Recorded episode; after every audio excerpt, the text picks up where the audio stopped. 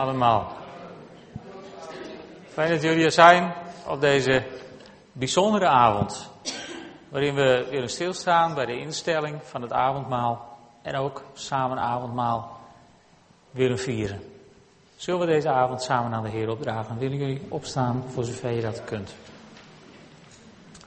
Vader in de hemel, in deze hele bijzondere dagen waarin we zo geconfronteerd worden met wat u voor ons hebt gedaan. Heer, rest ons eigenlijk niet anders dan dank brengen aan u. En we willen u uitnodigen om deze avond met uw geest in ons midden te zijn. En het in ons te prenten, heren, dat, dat we het ook zullen, zullen voelen, zullen proeven, zullen weten. Heren, zo zien we uit naar een bijzondere avond met u. In de naam van Jezus. Amen. Er is geen collecte, dus daar hoeft u niet op te wachten.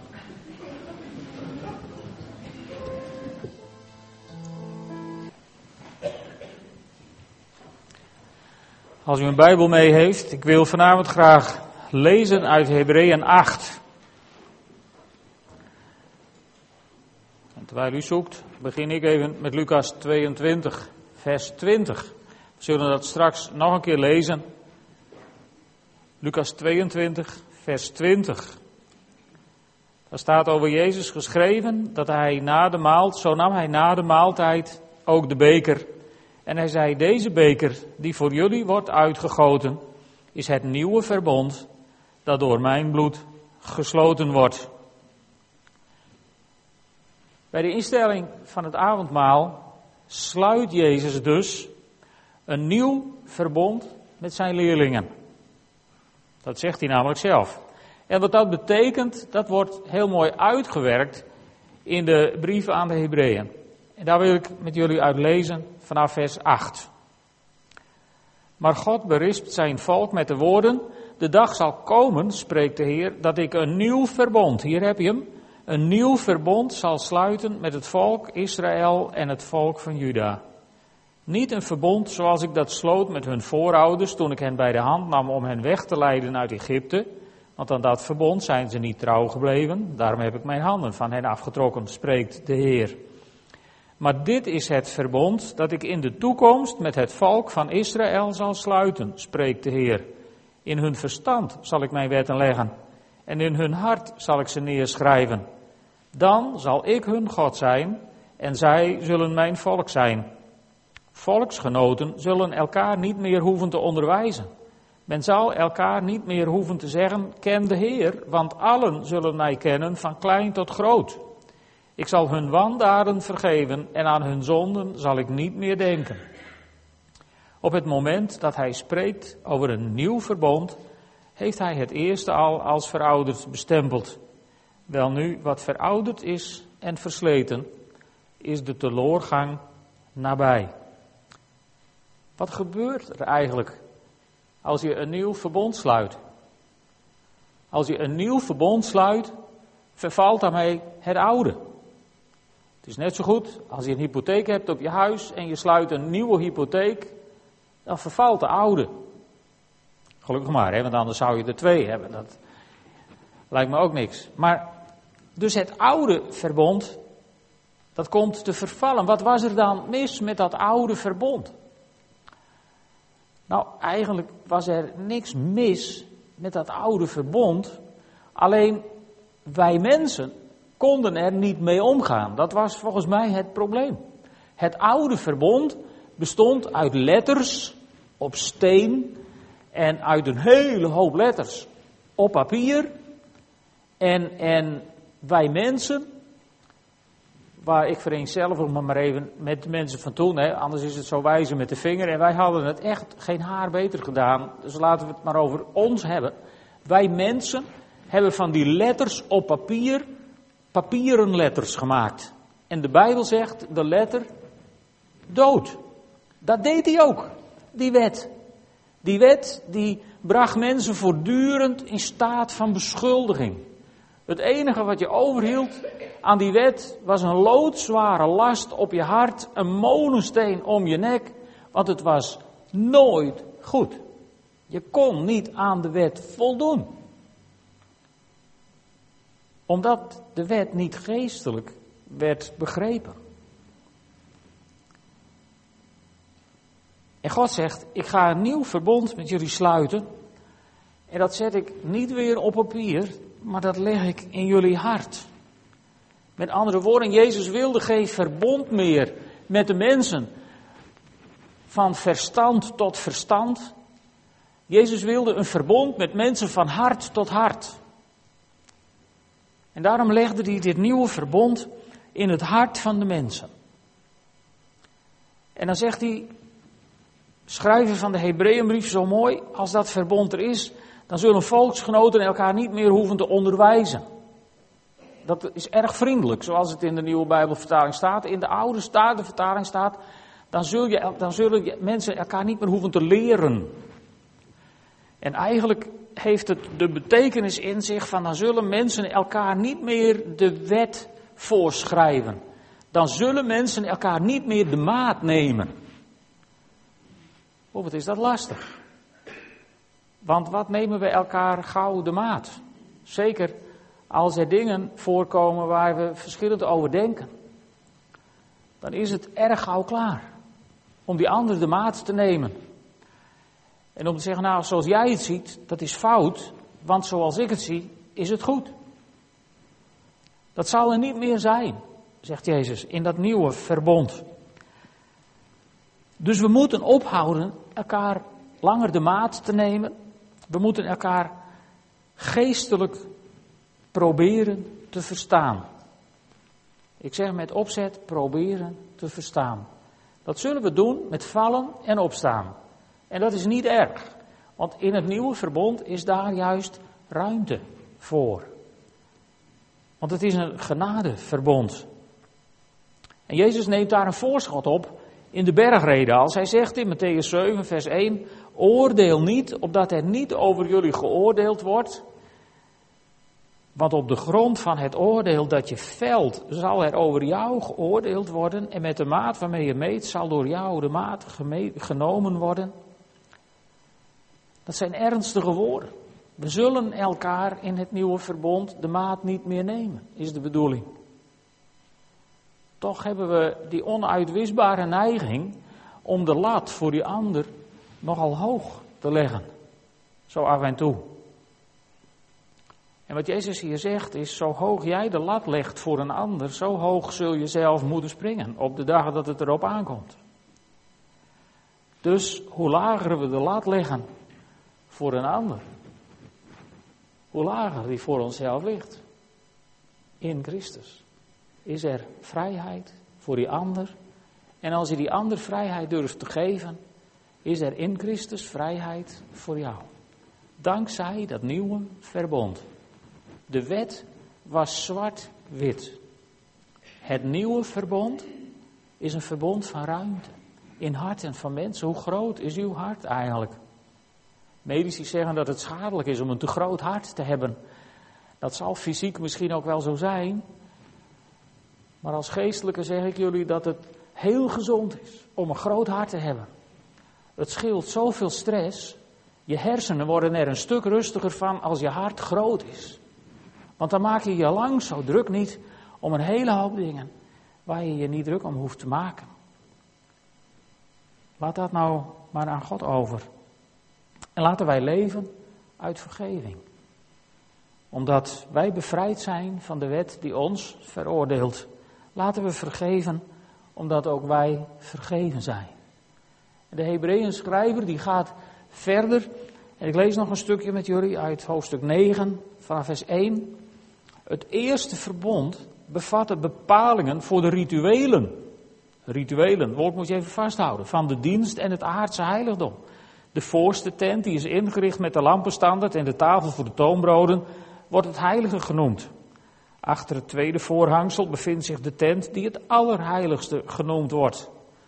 Daar staan het vergulde reukofferaltaar. Volgens ons staat dat ergens anders, maar goed, laten we de schrijver de ruimte geven met ons grote hart. En de ark van het verbond, die langs alle zijden met goud overtrokken is en waarin men waarin zich de vergulde kruik met manna, Aarons staf die gebloeid heeft en de platen met de verbondstekst bevinden. Daarop staan de gerubs, de cherubim, waar we over gezongen hebben, als teken van Gods majesteit. Zij bedekken de verzoeningsplaat met hun schaduw. En op dit alles kunnen we nu niet in detail ingaan. In het aldus ingerichte heiligdom gaan de priesters voortdurend de voorste tent binnen om hun dienst te vervullen. Maar in de tweede tent gaat alleen de hoge priester binnen. Slechts eenmaal per jaar. En nooit zonder het bloed dat hij offert voor zichzelf en voor de zonden die het volk uit onwetendheid heeft begaan. Hiermee maakt de Heilige Geest duidelijk dat de weg naar het hemelse heiligdom niet zichtbaar is zolang de eerste tent nog dienst doet. Dit alles is een zinnenbeeld voor de huidige tijd. Er worden daar gaven en offers gebracht die het geweten van degenen die ze opdragen niet tot volmaakte zuiverheid kunnen brengen. Het gaat alleen om voedsel, drank en rituele wassingen, om bepalingen over uiterlijkheden die slechts gelden tot aan de nieuwe orde. Christus daarentegen, en nu wordt het spannend, Christus daarentegen is aangetreden als hoge priester van al het goede dat ons is toebedacht. Hij is door een indrukwekkender en volmaakter tent, die niet door mensenhanden gemaakt is en niet behoort tot onze schepping, voor eens en altijd het hemelse heiligdom binnengegaan. En dat niet met het bloed van bokken en jonge stieren, maar met zijn eigen bloed. Zo heeft hij een eeuwige verlossing verworven.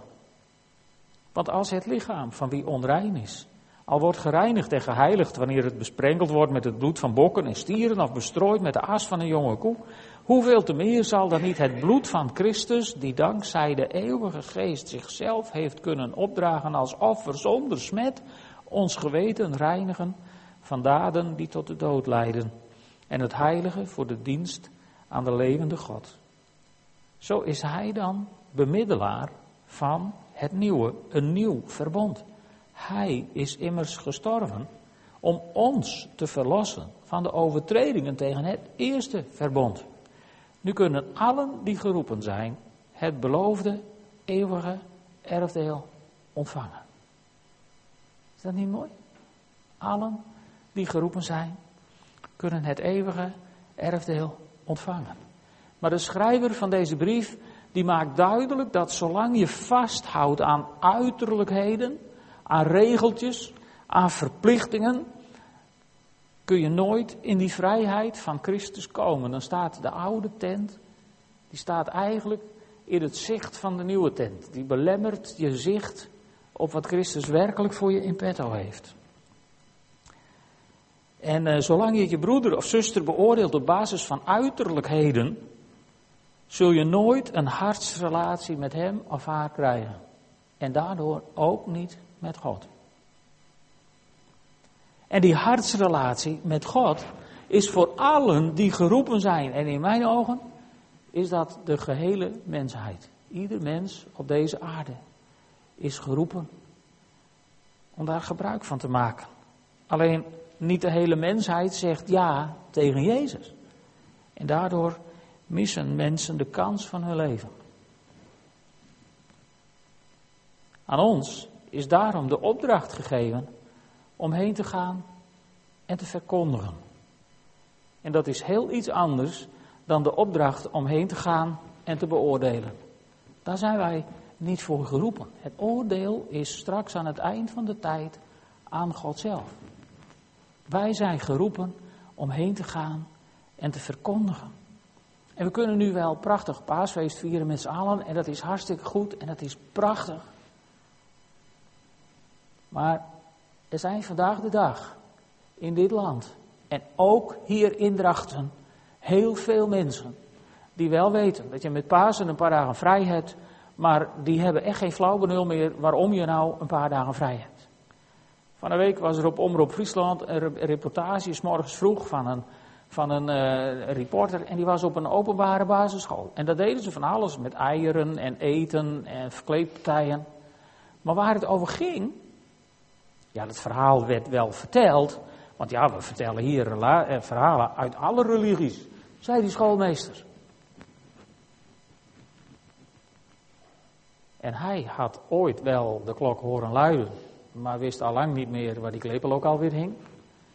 En hoe zul je dan die kinderen nog iets meegeven? Er zijn veel mensen die vanavond überhaupt geen idee hebben waarom anderen in de kerk zitten. Want het is toch nog geen Pasen. Het is, het is koopavond. En morgen is het Goede Vrijdag. Maar heel veel mensen hebben geen flauw idee waarom het Goede Vrijdag is. En Pasen, ja, het weekend is een dag langer. Dat is dan ook alles wat velen ervan weten. Aan ons de opdracht om heen te gaan en te verkondigen. En misschien krijg je morgen wel een kans. Als iemand je vraagt, goh, wat doe jij met de paasdagen? Dat zijn van die geweldige uitdagingen van de Heilige Geest. Om even iets uit te leggen over wat wij doen met Pasen. En als wij mensen bij Jezus brengen, als de ezel, weet je nog, van afgelopen zondag. Als wij de ezel willen zijn die mensen bij Jezus brengt, dan is Hij de bemiddelaar van het nieuwe verbond dat wij nu gedenken door samen avondmaal te vieren. Hij, Hij alleen is de bemiddelaar van het nieuwe verbond. Dat sloot Hij op deze avond met zijn discipelen. Toen Hij de beker nam en zei: Deze beker is de beker van het nieuwe verbond dat door mijn bloed gegoten wordt. En toen ze de beker gedronken hadden, ging hij heen om de prijs te betalen.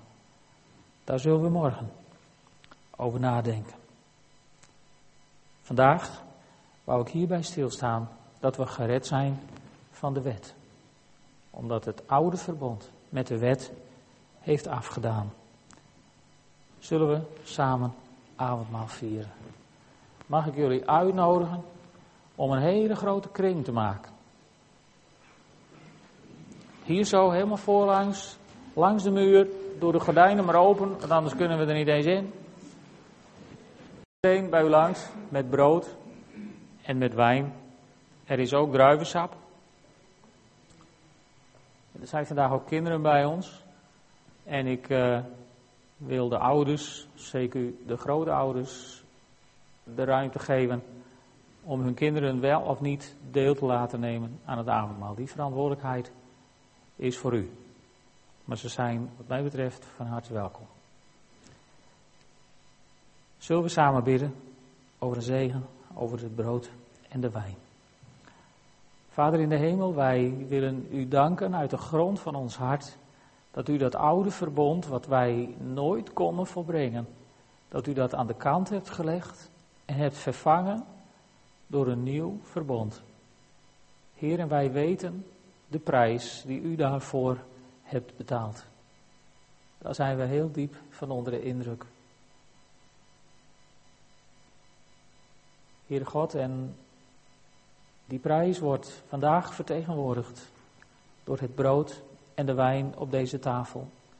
En we zegenen dat in de naam van de Vader, in de naam van de Zoon en in de naam van de Heilige Geest. Amen. Jezus zag er naar uit om deze maaltijd te vieren met zijn discipelen, alhoewel hij wist hoe hoog de rekening van deze maaltijd zou worden. Want hij zei, ik heb er vurig naar verlangd dit paascha met u te eten. Wonderlijk, wonderlijk. Want geen mens had door wat er ging gebeuren, maar de Zoon van God wist wat er kwam.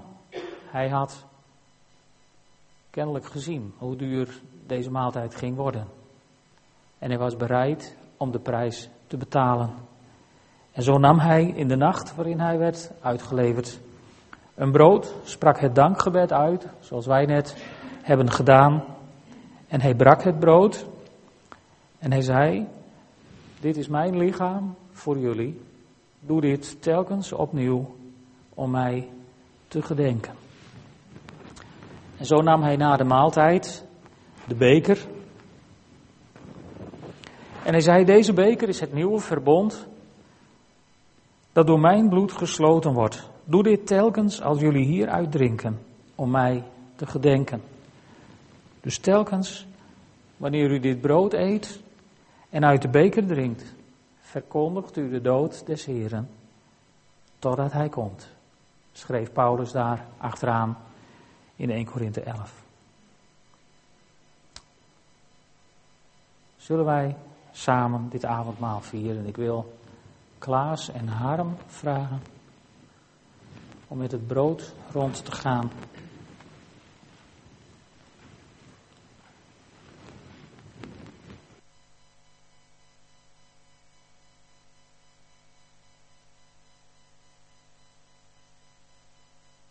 De Duitse voorgangers die zeggen daar dan altijd zo mooi achteraan, dat sterke und bewaren euch zum ewigen Leben. Dat versterkt en behoedt u voor het eeuwige leven. Dat vind ik altijd een hele mooie afsluiting van het avondmaal. Zullen wij elkaar de hand reiken en samen het Onze Vader bidden als afsluiting van deze dienst. Remco, ertussen. Onze Vader, die in de hemel zijn uw naam worden geheiligd, uw koninkrijk komen, uw wil geschieden, gelijk op de hemel, als zo op deze aarde. Geef ons heden ons dagelijks brood, en vergeef ons onze schulden, gelijk ook wij vergeven onze schuldenaren. En leid ons niet in verzoeking, maar verlos ons van de boze. Want van u is het koninkrijk, en de kracht, en de heerlijkheid tot in eeuwigheid. Amen.